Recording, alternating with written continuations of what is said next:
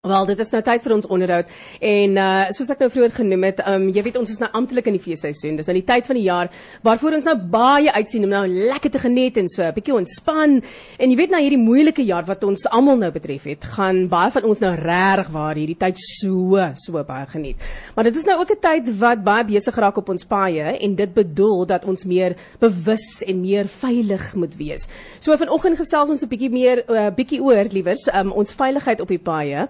Um en ons gaan hierdie gesprek hou met uh, Jean de Bakker, hy is die hoof van kommunikasie vir die departement van vervoer en openbare werke. Goeiemôre Jean de, welkom by die ontbytprogram. Môre julle, hoe gaan dit daai kant? Baie goed, dankie, dankie. Um Jean de, uh minister Madikizela het 'n uh, feestyd uh, veldtog onlangs geloods. Vertel vir ons 'n bietjie meer hieroor. Baie dankie julle. Uh die hele fokus van ons feesprogram is ons het nou hierdie jaar 'n ekstra verantwoordelikheid. So aanvanklik is ons verantwoordelikheid is meer oor padveiligheid, maar hierdie jaar het ons nou 'n ongenooide gas wat saam wil kom op vakansie. So ons het nou hierdie jaar 'n paar ekstra goed wat ons moet doen tydens hmm. ons feestyd en dit is om net seker natuurlik seker te maak dat ons ouens ehm um, COVID uh uh, ver, verwant ook net hulle mm. that they don't let their guard down as ek Engels mag gebruik. Ja, en so mm. ons ons fokus hierdie jaar is nie net op padveiligheid nie, maar ook dan op COVID. So ons gaan baie meer operasies sien. So ouens gaan ons baie meer langs pad sien en dan gaan 'n paar ekstra vrae vir hulle gevra word. Byvoorbeeld wanneer jy oor 'n provinsiale grens gaan, mag ons ehm um, dalk jou temperatuur vra om jou temperatuur te neem mm. en ons agterkom dat jy enige van die simptome wys mag ons jou versoek dan om om iemand te skakel om uit te vind weet wat is die volgende stappe wat jy moet neem. So so 'n bietjie anders is dis 'n bietjie anders maar ook tog dieselfde want soos wat julle gesê het is ons moet altyd veilig wees en ons sekere reëls altyd moet nakom. Hierdie jaar is daar net so 'n bietjie ekstra verantwoordelikheid op ons. Mm -hmm. Nou waar is daar spesifieke dinge waarna ons as motoriste voor moet uitkyk hierdie feestyd? Wie kom ons begin by die by die goed wat ons wat ons altyd moet doen. Um, en dan sê ek altyd wanneer jy in jou motor klim, maak seker dat jy gereed is om wel in jou motor te klim. Mm. So op 'n daaglikse basis sien ons mense wat vermering aan te skeer, hulle eet nog 'n laaste pappie en dit alles terwyl hulle bestuur. Mm. En jy mag dalk dink omdat daar nie 'n wet is wat dit keer nie dat dit veilig is. Die Engelse gesegde lei, just because it is legal does not make it right. Mm. En dit is alles forme van afgeleide bestuur wat vir jou 'n gevaar vir ander padgebruikers maak. So maak seker dat jy gereed is om in jou kar te klim. En en dan kom ons nou by mobiele telefone indien jy nie 'n handvrye toestel in jou motor het nie, los sommer die selfoon mm. in die kattebak of paneelkussie. Ja. Ons is in 'n tyd waar ons amper amper verslaaf is aan die mobiele fone en wanneer daardie kort boodskap geluid gehoor word, dan is die versoeking dan baie groot mm. om vinnig te kyk. Mm. Moenie met jou selfoon werk terwyl jy bestuur nie. Dit sluit nou oproepe, kort boodskappe, maar ook stemposse in. Mm. Net omdat jy deur die luidspreker gesels beteken nie jou gedrag is veiliger nie. Om selfs jou selfoon vas te hou terwyl jy bestuur, kan jou in die moeilikheid bring. Ek vind dit altyd effe ironies ook dat iemand bestuur, dan sien hulle iemand anders doen iets verkeerd, nou terwyl hulle bestuur, nou neem hulle daai persoon af. Jy is ook dan skuldig mm. aan aan gedrag wat nie wat nie wat nie bevorderlik is vir padveiligheid nie.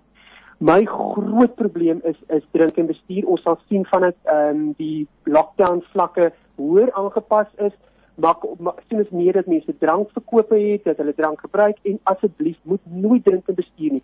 Ons doen jaarliks navorsing ja julle en in die fokusgroepe hoor ons gereeld ek bestuur op my beste na een drankie want ek is dan ekstra versigtig of ek bly net hier om die draai. Jy flous jouself. Mm. Selfs een drankie kan jou oordeel vermoë inperk en as jy onder die uh, al is jy onder die wette geperk. So maar nou die ongemaklike deel indien jy sien dat iemand onder die invloed is en gaan bestuur, tree op. Moenie dit iemand anders se probleem maak nie. Ons gaan nou soos jy gesê het, almal 'n bietjie wil kuier, lekker mm. saam wees, nê. Braai is mos nou sinoniem met hierdie tyd van die jaar. Wanneer jy gaste het, maak seker dat iemand is wat 'n aangewese bestuurder is. Gebruik dienste wat beskikbaar is soos hierdie e-roepdienste soos Bolt en Uber mm. en dan ook um, byvoorbeeld op my bankdienste kry ek 12 gratis tuisritte. So ek kan iewers heen ry en hulle kom haal my en neem my huis toe as ek voel dit is nie veilig is vir my om dit self te doen nie. En sit altyd jou sitplek gordel aan en sit dit ook korrek aan. Ek sien party van die ouens gooi my onder die skouer deur. Daar's 'n rede waarom hy daai drie vasmaakpunte het. Mm. Meer is dit maak ook seker dat almal anders in die motor vasgegordel is.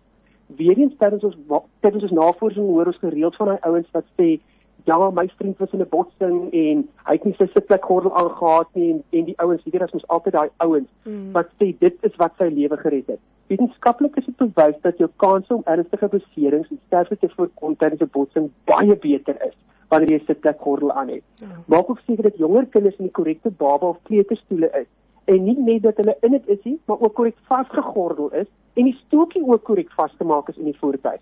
En dan vir daai effe ouer kinders gebruik dan sogenaamde booster seats. Dit maak dit net soveel meer veilig mm. vir hulle in die voertuig. Wanneer jy die langpad aanvat, maak seker jy's uitgerus voor die tog, maar ook tydens die tog. Neem gereeld daai blaaskans stop, stap om die voertuig, kyk na die mooi natuur om jou strek, drink 'n bietjie water, eet iets en dan gaan jy voort. No. Verkieslik so maksimum elke 2 ure of ongeveer 200 km per slag. Ehm um, ja, mens verloor 'n bietjie tyd, maar weet jy wat is dit is wat 'n mens moet doen om 'n botsing te voorkom? Kom ons doen dit. Ja. Ehm um, snelheid, ehm um, spoed is 'n groot probleem as ons kyk na ons navorsing oor die afgelope paar maande moenie die snelheidsgrens oorskry nie. Weereens, ons navorsing toon dit ook dat mense dit nie as 'n spoedoortreding beskou as hulle binne daai 9 km/h grasieband ry nie.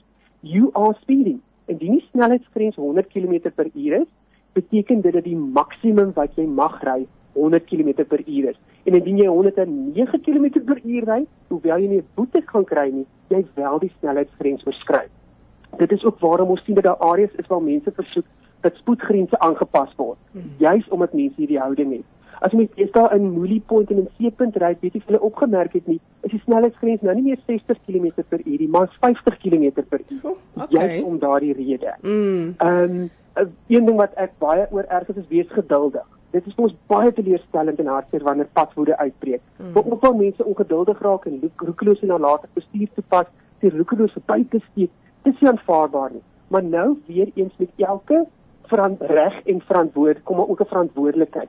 Maar ons moet ook almal ons deel doen. Die patrio sê hou links gaan regs verby. Indien jy op die snelweg is en dit veilig is vir jou om na die linkerbaan te beweeg, doen dit. Moenie teen 'n slakke pas in die regterbaan ry en verkeerskoop een of is agter jou veroorsaak. Ja. Jy is deel van die probleem. Ja, nie definitief van die ja. oplossing nie. Ja. Ehm um, sperstreep verbystreek is 'n groot um, probleem waarby wat ons sê. Daar's 'n rede waarom daar 'n sperstreep is. En dan lyk dit nie so nie en dan dink jy dis veilig, daar's 'n rede hoekom jy nie daar kan verbysteek nie. Wees bedag op jou omgewing en hier sit nou 'n bietjie meer vir die ouens in die stad en wat jy weet stadig ry en in verkeer sit. Jou blinde kol is kardinaal van belang, maar ook omdat daar grypdiewe in Kaapstad steeds daar baie aktief is. Ons het net ehm um, oor die naweek weer 'n gesteelde voertuig met wapens in ehm um, gevind en daar word jou motor gebruik vir onwettige bedrywighede omdat jy dalk nie en dit kon dalk vir my gewees het as jy bietjie meer bedag was stop heeltemal by 'n stopstraat en moenie daai oranje lig probeer wen nie. Die lig wen altyd. Ehm um, en dan neem persoonlike verantwoordelikheid. Ja, ek gaan baie na verkeersoperasies toe en daar's uh, baie tipe daar's 'n paar tipes mense wat jy nou so by so 'n operasie kry, maar dan sou groep wat my altyd baie teleurstel en dis die groep wat altyd iemand anders wil blameer. Mm. Ons kyk na fietsryers, ons moet altyd poog om weier om fietsryers te gaan aangesien hulle baie meer blootgestel is. Maar ons het ook nodig dat as jy fiets ry, jy nie 'n bondel ry en 'n bane beslag opneem nie, ry agter mekaar, veral in areas waar daar nie wye skouers of noodbane is nie. Voetgangers is een van die grootste groepe mense wat sterf van padbot, padbotsings. En ons het nodig dat motoriste vir hulle moet uitkyk. Maar as jy voetganger is, het jy ook verantwoordelikheid. Kyk voor jy die pad oorsteek. Moenie drink en loop nie. Dra sigbare klere en haal asseblief jou oorfone uit terwyl jy gaan draf of stap jy kan nie aankomende verkeer so goed hoor met oorfone in nie. Genre, um, ja. Ek het dit aan die gang. ons kan hoor jy het 'n groot passie vir vir vir wat jy doen en ons is so bly dat so iemand soos jy, weet jy dit is so lekker vir myne is like ek kan eintlik vir jou lekker like 'n hit the record button dan moet ons eintlik dit speel elke week vir mense net herinner wat hulle moet doen. Nee, jy's amazing. Wow. maar ons moet eintlik ons tyd ons tyd is so 'n bietjie ehm um, aan die eina kant so ons moet nou vir jou kon pak sê. Dit's jammer. maar Jandre baie dankie. Dis um alles wat jy nou genoem het is so, jy weet aan die einde van die dag is die goed maar nou net basies wat 'n mens nou moet doen. Um so it's getting back to basics en wees maar net bewus and take that responsibility. Jy weet, wees verantwoordelik vir jouself mm -hmm. want aan die einde van die dag is dit nie net jy wat nou ry op die pad nie. You, you have to take care of and look out for ja. other motorists. That's say. Bye bye Nikki Andre. Absoluut. 100% dankie. Jammer dat ek vir jou Nee, dis awesome. 'n lekker dag, lekker dag vir jou. Dankie. Totsiens. Bye.